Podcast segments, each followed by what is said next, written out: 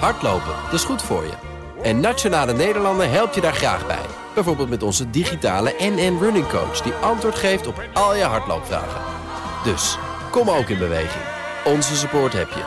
Kijk op nn.nl slash hardlopen.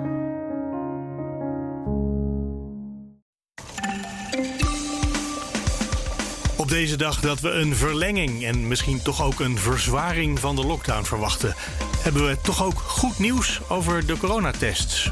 Vanavond na de persconferentie is er een extra ministerraad over de toeslagenaffaire.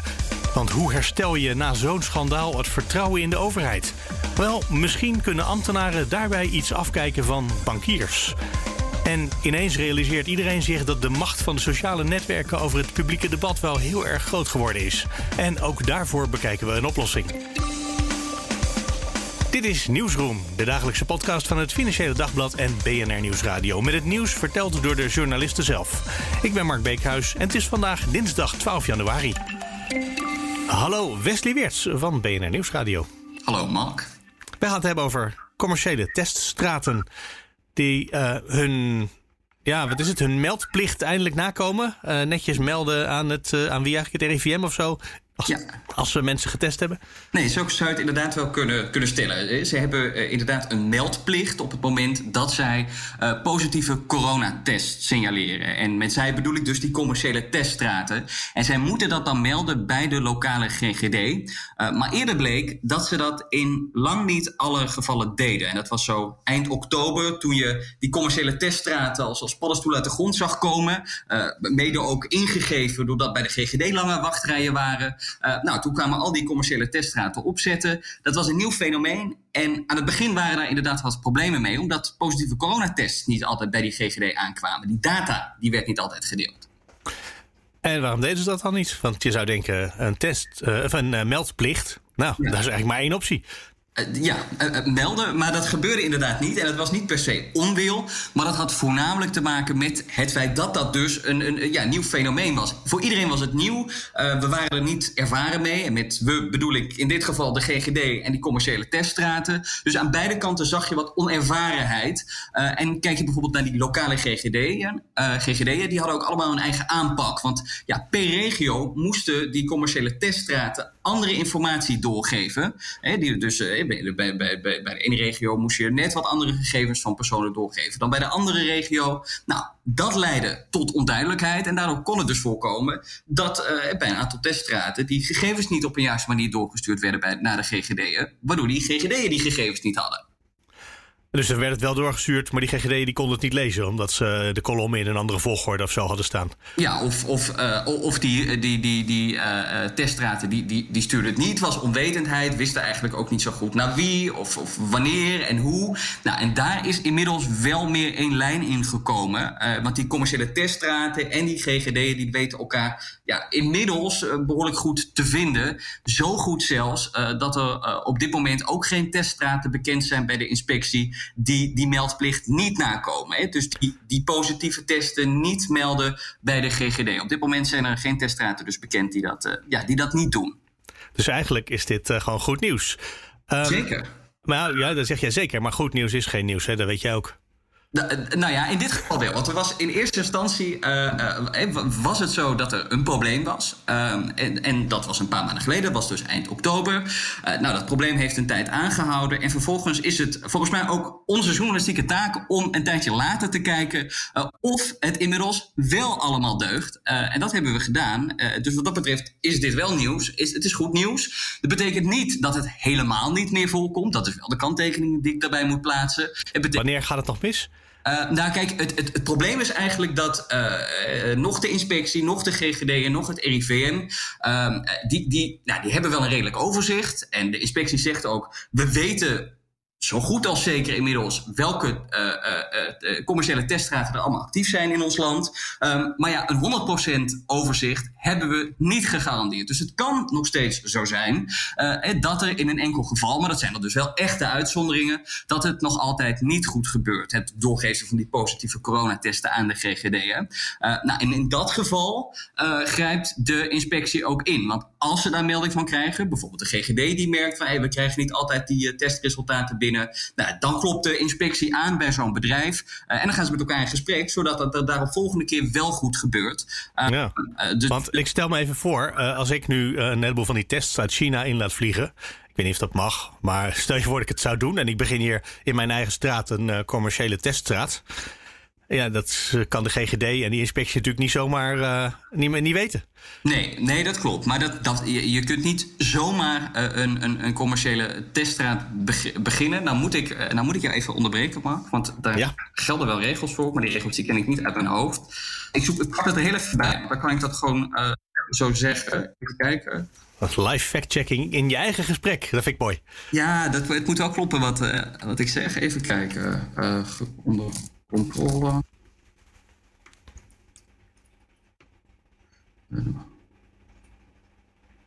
Even kijken, hier staat iedere organisatie die een test uitvoert op corona is verplicht positieve testuitslagen te melden bij de GGD. Uh, daarmee is corona een meldingsplichtige ziekte en de betrokken arts of het laboratorium hoort deze melding te maken. Oké, dus er moet een betrokken arts zijn of een laboratorium. En daar heb je natuurlijk ook een, eh, een iemand die verantwoordelijk is voor het laboratorium nodig. Ja, dus ik, ik, ik zou zo gewoon zeggen dat je niet zomaar in je schuurtje kan beginnen. Want het gaat, eh, dat is, uh, of een betrokken arts of een laboratorium en die moet die melding maken. Nou, dit is dan een van de positieve nieuwsdingetjes die we vandaag kunnen melden. Want voor de rest verwachten we er niet veel van. Hè? Vanavond komt er weer persconferentie. En dan, ja, nou, er wordt gesproken in ieder geval van een drie weken langere lockdown. Maar misschien zag ik net al op het ANP voorbij komen. Er wordt zelfs gesproken over een avondkloktocht. Hebben we vorige week heb ik daar van Sophie van Leeuwen uit Den Haag echt gehoord. Nee, dat ligt niet op tafel. Ja. Maar ANP, Telegraaf schrijven net allemaal van wel. Ja. Uh, dus het zou zomaar eens een hele sombere dag kunnen worden in Nederland. Wat dat uh, betreft. Ja, nee, zeker. Dat, dat zou zeker kunnen. Nou begrijp ik wel dat uh, inderdaad uh, de, de, de, dat er ook veel weerstand is. Dus het ligt op tafel, maar er is ook veel weerstand uh, van de burgemeesters. Dus de vraag is uiteindelijk ja, of die aankondiging dan meteen vanavond komt. Als die vanavond komt, dan is het inderdaad niet, hele, niet echt een hele mooie afsluiting, denk ik, van je dag. en dan staan er ook nog een aantal ja, wat minder mooie weken voor de deur. Maar merk op, dan hebben we goed nieuws. En dan denk ik, ja, dat goed nieuws is geen nieuws. Want ik ben er toch. Uh, moeten we toch even iets achteraan. Je toch naar het negatieve nog. ja, dat, want dat is er namelijk ook in dit geval. Ja, nee, dat is zeker zo. Ja, dat moeten we ook melden. Nee, maar daarnaast heb je wel gelijk in. Als het uh, eerst niet goed ging en nu wel, moeten we dat ook zeggen. Wesley, dank je wel. Alsjeblieft. Hallo, Martijn Pos. Goedemorgen, Mark. We gaan het hebben over de toeslagenaffaire. Dat is eigenlijk best bijzonder, want dat is helemaal niet iets waar je je normaal gesproken mee bezighoudt, denk ik me nu ineens. Uh, nee, behalve als, uh, als uh, burger van Nederland heb ik daar natuurlijk wel een mening en een gevoel bij. Want je schrijft heel veel over, nou wat zijn het, accountants en advocaten en zo. Klopt, ja. En vandaag heb je een opiniestuk in de krant geschreven over de toeslagenaffaire. En dat ambtenaren nog wel wat kunnen leren van bankiers. Die zag ik niet aankomen. ja, nee, ja. Uh, vond het uh, heel frappant uh, toen ik. Ehm, laat ik het eerst even goed uitleggen dat ik zelf een verleden heb als ambtenaar.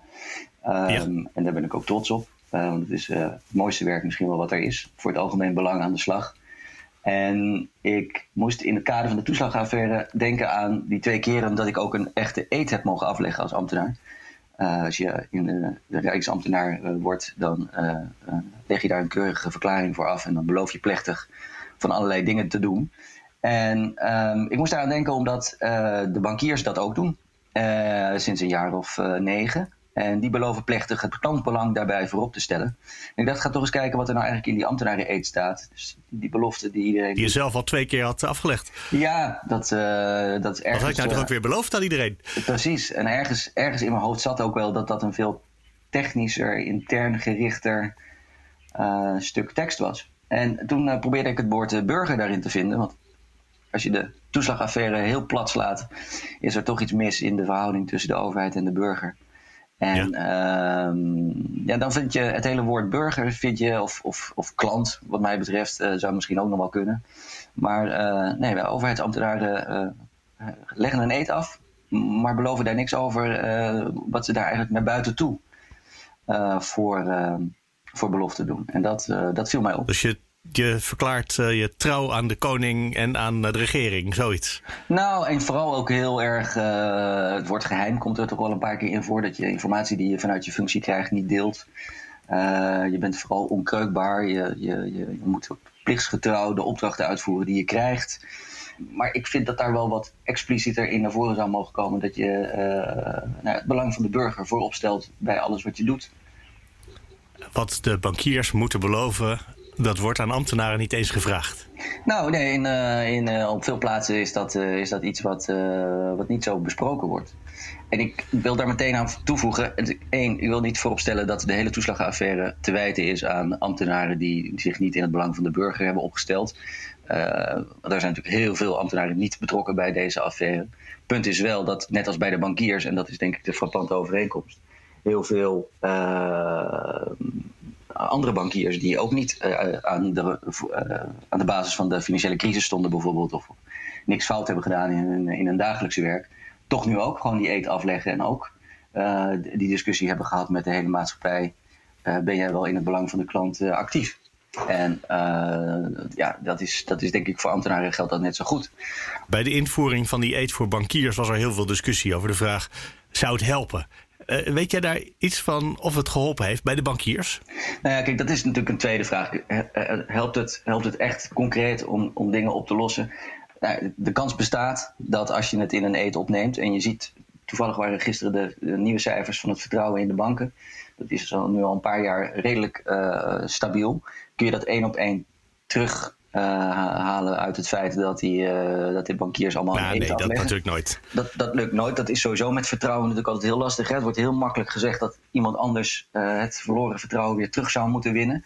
Terwijl uiteindelijk iemand anders dat vertrouwen moet geven. dat is natuurlijk altijd. maar laten we ervan uitgaan dat, dat alle beetjes helpen. En ja, ik sluit niet uit dat als je het in een eet opneemt, zoals in de bankensector gebeurd is, dat je er ook vaker met elkaar over praat. Je kunt elkaar er ook beter op wijzen.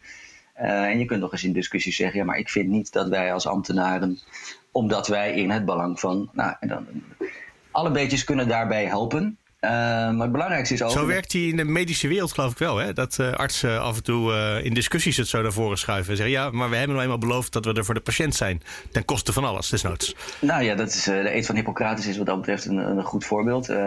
ook daar, net als bij de banken, hangt er ook terugrecht aan vast. Ehm, maar ik denk dat het vooral ook bij de ambtenaren belangrijk is dat je. Uh, kijk, ik ben het zelf ook geweest en als ik het goed begreep, jij ook. En als je in de overheidsdienst werkt, is het eigenlijk volkomen vanzelfsprekend dat je dat doet in het algemeen belang. Uh, ja. Punt is wel dat als je met zo'n toeslagenaffaire een deuk in je vertrouwen oploopt, dat je nog wat explicieter zou mogen of moeten zijn, denk ik zelfs. Om uh, duidelijk te maken dat dat zo is. Want niet iedereen gaat daar voetstoots van uit. En je kunt daar best wat explicieter in zijn. Uh, zeker als er rondom die affaire ook allerlei andere discussies zijn over überhaupt de transparantie van de overheid en het verzwijgen van bepaalde informatie of discussies en wanneer welke ambtenaar wat wist. Komt dat dan wel bij de politieke leiding terecht? Al dat soort zaken maakt dat er terecht of onterecht, maar er hangt een zweem overheen die je deels zelf ook kunt wegnemen door uh, wat explicieter te zijn over uh, nou ja, wat in het bedrijfsleven zo mooi je purpose heet, hè? je why. En, uh, je purpose en je why, precies. Ja, en ik ben de laatste die van de overheid een bedrijf wil maken. Maar neem de goede dingen daarvan over. En ja, nou, ironie. in dit geval kunnen ambtenaren dus ook iets leren van bankiers. Zoals bankiers de afgelopen jaren ontzettend veel hebben moeten, tussen aanhalingstekens, leren van, van de overheid. Dus dat was eigenlijk het, het cruciale punt wat ik hier heb willen maken. Ja, en in de meest juridische zin van het woord was ik geloof ik geen ambtenaar, want ik was eigenlijk uitzendkracht in de jaren. Het is lang ah, geleden dit. Ja. Uh, dus ik heb zelf nooit die ambtseed afgelegd. Maar ik ben er wel eens bij geweest uh, dat een, uh, een, rij van een stuk of zes, zeven parkeercontroleurs... één voor één allemaal een stapje naar voren moesten doen en dan die eet afleggen. Netjes in uniform en dan de chique versie daarvan. Dat was een momentje. En dus aan de ene kant geloof ik er helemaal niks van dat het werkt. En aan de andere kant heb ik toen gezien dat die ambtenaren stuk voor stuk, die parkeercontroleurs allemaal, dat ongelooflijk belangrijk vonden, dat moment. Ja, nou ja, dat is ook wel de ervaring die ik zelf heb. Ik heb het dan twee keer uh, mogen doen. En uh, ik kan me nog bijvoorbeeld heel goed herinneren bij de Algemene Rekenkamer, waar ik heb mogen werken. Dat het daar de voorzitter was die dat, die dat deed. Met alle nieuwe medewerkers van die maand of van de afgelopen twee maanden. Daar ook echt een, een, een ochtend voor uittrok. met iedereen kennis wilde maken. Maar vervolgens ook heel plechtig die eet ook liet afleggen. Ehm, en dat maakt dat je er op zijn minst op één moment bij het in van de over, bij de overheid toch nog een keer op gewezen wordt dat je toch ook iets bijzonders gaat doen. en dat doe je ook. en dat zou echt een ideaal moment zijn om, om daar ook misschien expliciet van te maken dat er een buitenwereld is waar je voor werkt, die daar verwachtingen bij heeft en die daar, uh, die daar uh, een aantal uh, ja, basiszaken van mag, mag verwachten. Um, ja, waaronder dat, dat vertrouwen. Ja, de geheimen er een beetje uithalen. Want wij hebben natuurlijk juist het tegenovergestelde van de Rutte-doctrine en van de Oekase Kok nodig. En ja, uh, de burger ja. in de ambtseed voor alle ambtenaren. Het nou, zou zomaar ja, een oplossing kunnen zijn. Precies, zeker. zeker. Dat geheimhouden, daar kun je nog een hele uitzending mee vullen, denk ik. Maar het over geheimhouding als je, als je iemand heel duidelijk, en dat is in die ambtenareneed toch wel echt uh, heel, heel precies. Je mag geen informatie delen die je vanuit je, uh, uit de hoofden van je functie krijgt. Dat is allemaal heel goed en dat moet ook. En je kunt niet zomaar eindeloos alles maar op straat gooien. Maar ik heb ook wel de indruk dat het soms leidt tot een hele krampachtige manier van, uh, van intern ook niet kunnen zeggen willen zeggen wat je, wat je zou willen. Uh, ja. Zoals nou ja, en, en, we hebben een regering die het land aanvoert uh, wat dat betreft. Uh, die zelf ook in de dagen voor een persconferentie, die er vanavond ook weer aan zit te komen. ook alles lekt wat er te lekken valt. Want we weten alles al. Ja, dus ben ik nou, houd maar geheim. lang genoeg journalist inmiddels weer om dat natuurlijk niet erg te vinden. Dat, daar, daar wij nou, als burger vind ik dat wel vervelend. Ja? Ja, natuurlijk. Als je dan zegt, we gaan het vanavond bekendmaken, we vertellen er niks over. Want als je nu een vraag stelt voor de camera of voor de microfoon, dan krijg je geen antwoord. Ja. Maar als je het uh, anoniem op wil schrijven, dan willen ze je alles wel vertellen. Ja, precies. In deze uitzonderlijke situatie vind ik het heel prettig om uh, zo vroegtijdig. En ik zou maar, uh, als ik winkelier was of, of iets in de horeca zou doen, zou ik ook heel graag zo snel mogelijk willen weten wat er, wat er gaat gebeuren. Absoluut, absoluut. Dus dat, dat is, maar, maar, dat er bijvoorbeeld, om dan even terug naar de toeslagenaffaire te gaan uh, te veel voorbeelden zijn waarbij er toch te veel twijfel is over uh, het informeren van een Tweede Kamer, die daar toch natuurlijk ook gewoon voor aangewezen is om, uh, om, om, het kabinet te controleren. Ja, dan, dan, dan, dan, dan helpt het ook niet als blijkt dat al je medewerkers heel erg op de geheimhouding zweren, zou ik bijna zeggen. ja, precies. Dus wat dat betreft, het tweede zinnetje wat er wat mij betreft ook aan toegevoegd zou mogen worden, is dat er uh, iets over, uh, als ik problemen zie, dan uh, ga, mag ik dat aan mijn leidinggevende melden. Dan wel als ik leidinggevende ben bij de overheid. Dan sta ik open voor commentaren van mijn ondergeschikten. wat in een hiërarchische organisatie volgens mij ook iets is wat je niet vaak genoeg zou kunnen benadrukken. Martijn Pols, dankjewel. Dankjewel Mark. Het is altijd goed om positief en constructief te blijven nadenken over alle onderwerpen. Ja, toch? Hallo, Stijn van Gils.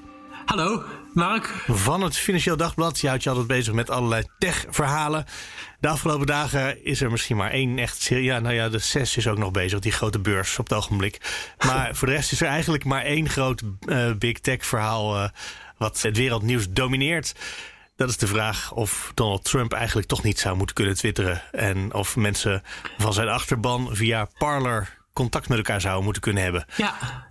En daar gaan we het over hebben. Misschien eerst nog eens even met een uh, FD-feitje aan het begin.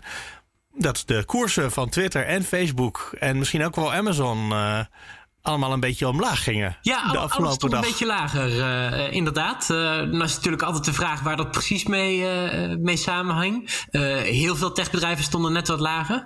Maar in ieder geval Twitter ja, stond, stond ook fors lager dan, dan de concurrentie. en ook Facebook had ja, toch wel een relatief grote tik gekregen. Ja, als ik de pagina van uh, de krant er even bij pak, 6% eraf wordt bij Twitter en Facebook 4% eraf. Ja, uh, ja je kan nooit zeggen dat is puur en alleen het uh, blokken van de Republikeinen of van Donald Trump. Maar misschien toch. Nou, het, dat het, het, iets mee te maken heeft. Het grijpt toch wel in in hun verdienmodel. Uh, vooral Twitter heeft toch ook wel heel nadrukkelijk geprofiteerd van uh, ja, alles wat Trump op, op Twitter geroepen heeft. Want daar hebben toch veel mensen naar gekeken. En daar vervolgens weer iets van gevonden. Op een goed moment had ineens iedereen bedacht: Weet je wat? dit is het moment dat we stoppen met de De, de hele de, de opstand van Trump, mag je het zo zeggen? De revolte? Uh, ja, zo mag je het wel zeggen. Ja, ja, ja het blijft hij, een beetje een ingewikkeld woord. meer president af. En, en misschien dat nu de techplatforms wat meer durfden om, uh, om er ook vanaf te gooien. Ja, ze zijn niet meer zo afhankelijk van hem. Zo zou, zo niet, zou het best dus kunnen zijn, hè? Uh, misschien wel. En hij kan natuurlijk ook geen, ja, geen, geen regulering meer van die techplatforms eisen. Want dat, dat, dat red je in twee weken eigenlijk niet meer. Nee, een decreet. Dat zit er nog in. Maar ja, wat zou hij daar dan in moeten schrijven? Nou is de vraag... Wie, ja, wie, gaat er eigenlijk over? En dat is een vraag die al een paar dagen door het, nou door, waar zeggen, door het land, maar door de hele wereld heen uh, gonst. Wie bepaalt nou of Donald Trump wel of niet mag twitteren? Is het Twitter?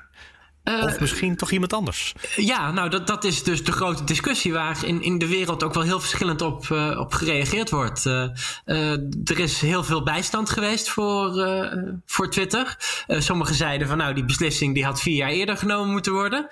Um, en ja, er, er zijn ook een hoop mensen die, die misschien wel goed vinden dat, uh, ja, dat Trump nu van Twitter verwijderd is. Uh, maar niet gelukkig zijn met het feit dat Twitter dat zelf heeft gedaan. Ja, want de reden dat hij van Twitter afgegooid is, is dat hij de gebruiksvoorwaarden geschonden heeft. Ja. En als je daarnaar kijkt, nou dan ligt het erg voor de hand om te zeggen: we schoppen hem vier jaar geleden al van Twitter. Uh, ja, ik heb vijf, eigenlijk. met, uh, met mensen gesproken die dat, uh, ja, die zeiden dat hij evident vier jaar geleden de, de voorwaarden ook al geschonden heeft. Ja, uh, maar dat is niet gebeurd. Um, dat maakt ook meteen duidelijk dat misschien Twitter niet de beste rechter is in deze. Vind je niet? Um, ja, misschien in ieder geval niet de meest, de meest consistente. Kennelijk is er bij het uh, blokken van Donald Trump's account niet alleen gekeken naar de voorwaarden, maar ook naar andere dingen. En misschien wel, uh, nou ja, kansen op omzet of invloed bij de president of groeimogelijkheden voor het platform omdat Donald Trump daarop aan twitteren was kennelijk hebben er naast de voorwaarden andere overwegingen meegeteld. Ja, ja, en hij is natuurlijk ook een publiek figuur, waar, waarbij je misschien iets terughoudender moet zijn met hem, uh, met een schrappen.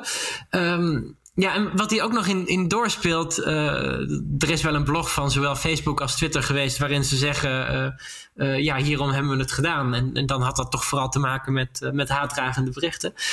maar je weet ook niet 100% op basis waarvan die afweging exact daadwerkelijk gemaakt is. en. en ja, dat is in een vrije democratie misschien ook wel, wel problematisch. Dat een, uh, een groot techplatform uh, een afweging maakt uh, op, op gronden ja, die niet per se ehm, met die samenleving te maken hebben, maar misschien ook wel met commercieel gewin of wat, wat, wat dan ook. En dat, de vraag is dan, als stel dat we het niet aan Twitter overlaten en zeggen: je moet gewoon een neutraal platform zijn en wie zich meldt, die moet je bedienen. Dat zou je kunnen doen, hè, als land? Uh, dat, dat zou je kunnen doen, ja. Uh, dan zou iemand anders die afweging moeten maken namens de samenleving. Uh, ja. Ja. nou, we hebben natuurlijk hele, hele structuren met rechtbanken.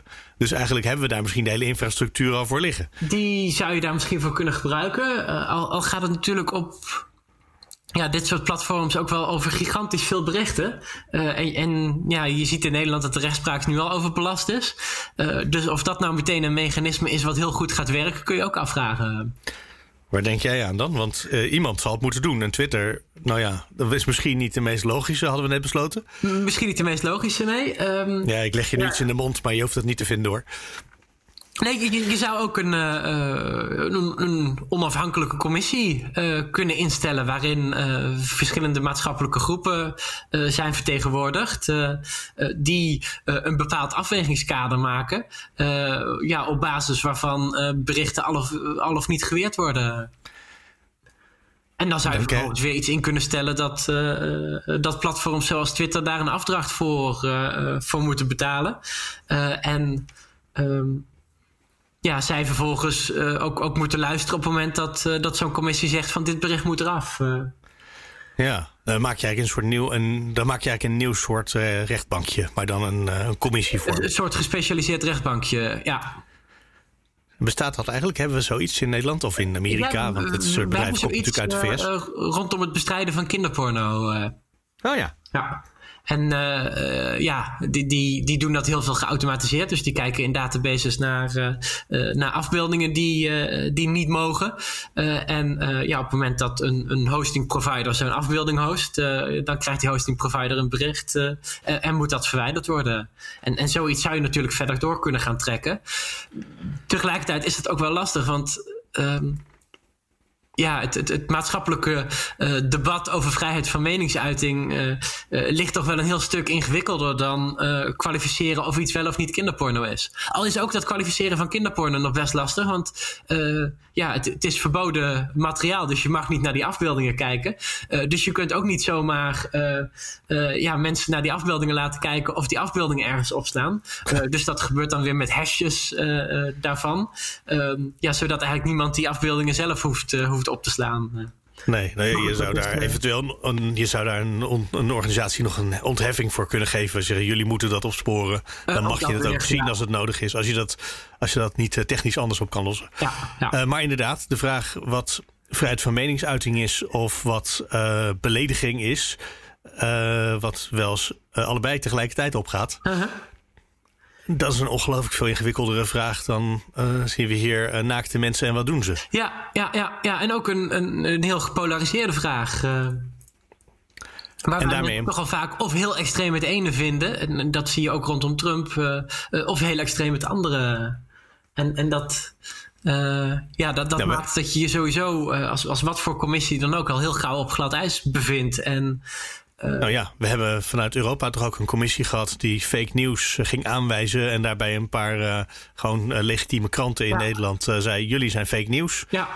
en dat is ingetrokken achteraf weer. Ja. maar dat, nou ja, dat geeft toch aan hoe, hoe lastig het is om soms te weten of iets ja, problematisch is of niet. Ja, ja. dus eigenlijk, ja, we eigenlijk wisten we het van tevoren al. We gaan het nu even niet oplossen in dit uh, gesprek van een minuut nee, of tien. Nee, nee, nee. Wat, wat trouwens iemand in, in dat artikel noemt, uh, Reo van Bits of Freedom. En dat vind ik nog wel een, een elegante oplossing. In hoeverre dat die gaat werken, uh, vraag ik me ook weer af. Uh, maar dat is om uh, interoperabiliteit verplicht te stellen. Uh, en dat betekent ehm, ja, dat ik bij het ene platform kan zitten en jij bij het andere platform. en wij toch berichten met elkaar kunnen uitwisselen. jij mijn berichten kunt zien, ik die van jou. en dat al onze platformen waar wij bij zitten, um, zelf, net als een normale krantenredactie nu, of, of een radioredactie of wat dan ook, uh, die, die afweging maken. Uh, dan, dan krijg je in ieder geval dat die macht niet zo enorm geconcentreerd zit bij, uh, ja, bij één groot platform zoals Twitter. Maar dat betekent dus, je gaat. Ik, ik log in bij Twitter. Ja. Want dat vind ik een prettiger bedrijf dan Facebook. Mm -hmm. waar ik niet zoveel mee heb, bijvoorbeeld. Ja. En dan schrijf ik een tweet. En dan komt hij ook op mijn account in Facebook terecht, waar ik verder nooit op inlog. Maar dat is uh, via de interoper interoperabiliteit is dat geregeld. Uh, ja, of zelfs nog extremer dat jij dus niet eens een Facebook-account hoeft te hebben, uh, maar ja, je wel aan kunt melden. Um, Zet dit maar door naar Facebook. kunt worden met mensen die daar wel zitten. Dat gaan die big tech bedrijven nooit toestaan. Uh, ja, dat kun je natuurlijk wel verplichten. Er is, uh, volgens mij is die ook aangenomen. Er is in ieder geval vorig jaar een motie geweest. Uh, um, ja, waarin de minister wordt opgeroepen om te kijken of dat hij dat verplicht kunt stellen. maar als Nederland alleen kunnen we dat natuurlijk niet zo gauw doen. Maar als Europa wellicht wel.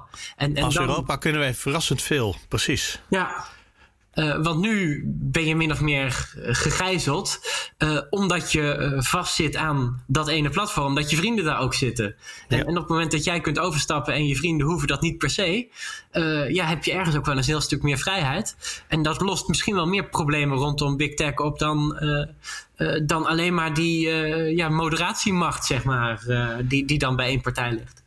We hadden het ook nog over Polen kunnen hebben, waar ze het tegenovergestelde op het ogenblik aan doen zijn. Ja. Maar misschien komen we daar niet meer aan toe.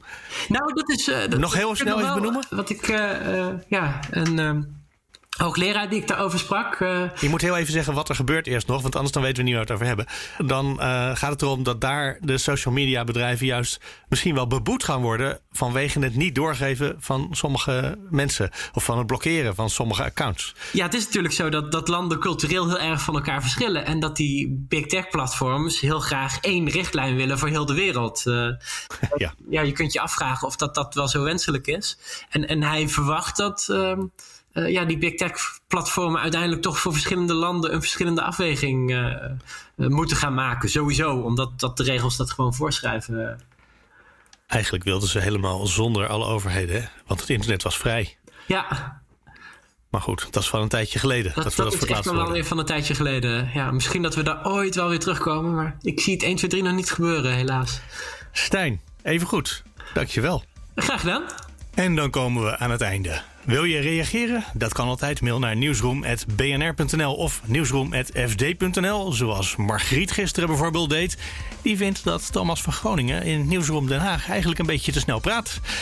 En ik zou je zeggen, ik heb die neiging zelf ook, dus mij was het niet opgevallen. Alleen al daarom zijn dit soort mailtjes heel nuttig. Margriet, dankjewel.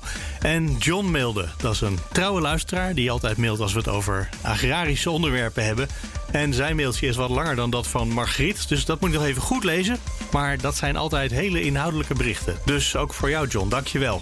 En als gezegd wil je ook reageren. Mail dan naar nieuwsroom.bnr.nl of nieuwsroom.fd.nl. Oh, en de show notes. Die vind je op bnr.nl slash nieuwsroom. Tot morgen.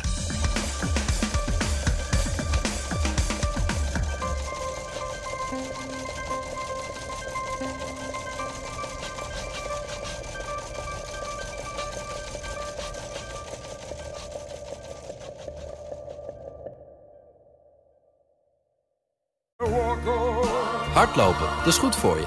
En Nationale Nederlanden helpt je daar graag bij. Bijvoorbeeld met onze digitale NN Running Coach... die antwoord geeft op al je hardloopvragen. Dus, kom ook in beweging. Onze support heb je. Kijk op nn.nl slash hardlopen.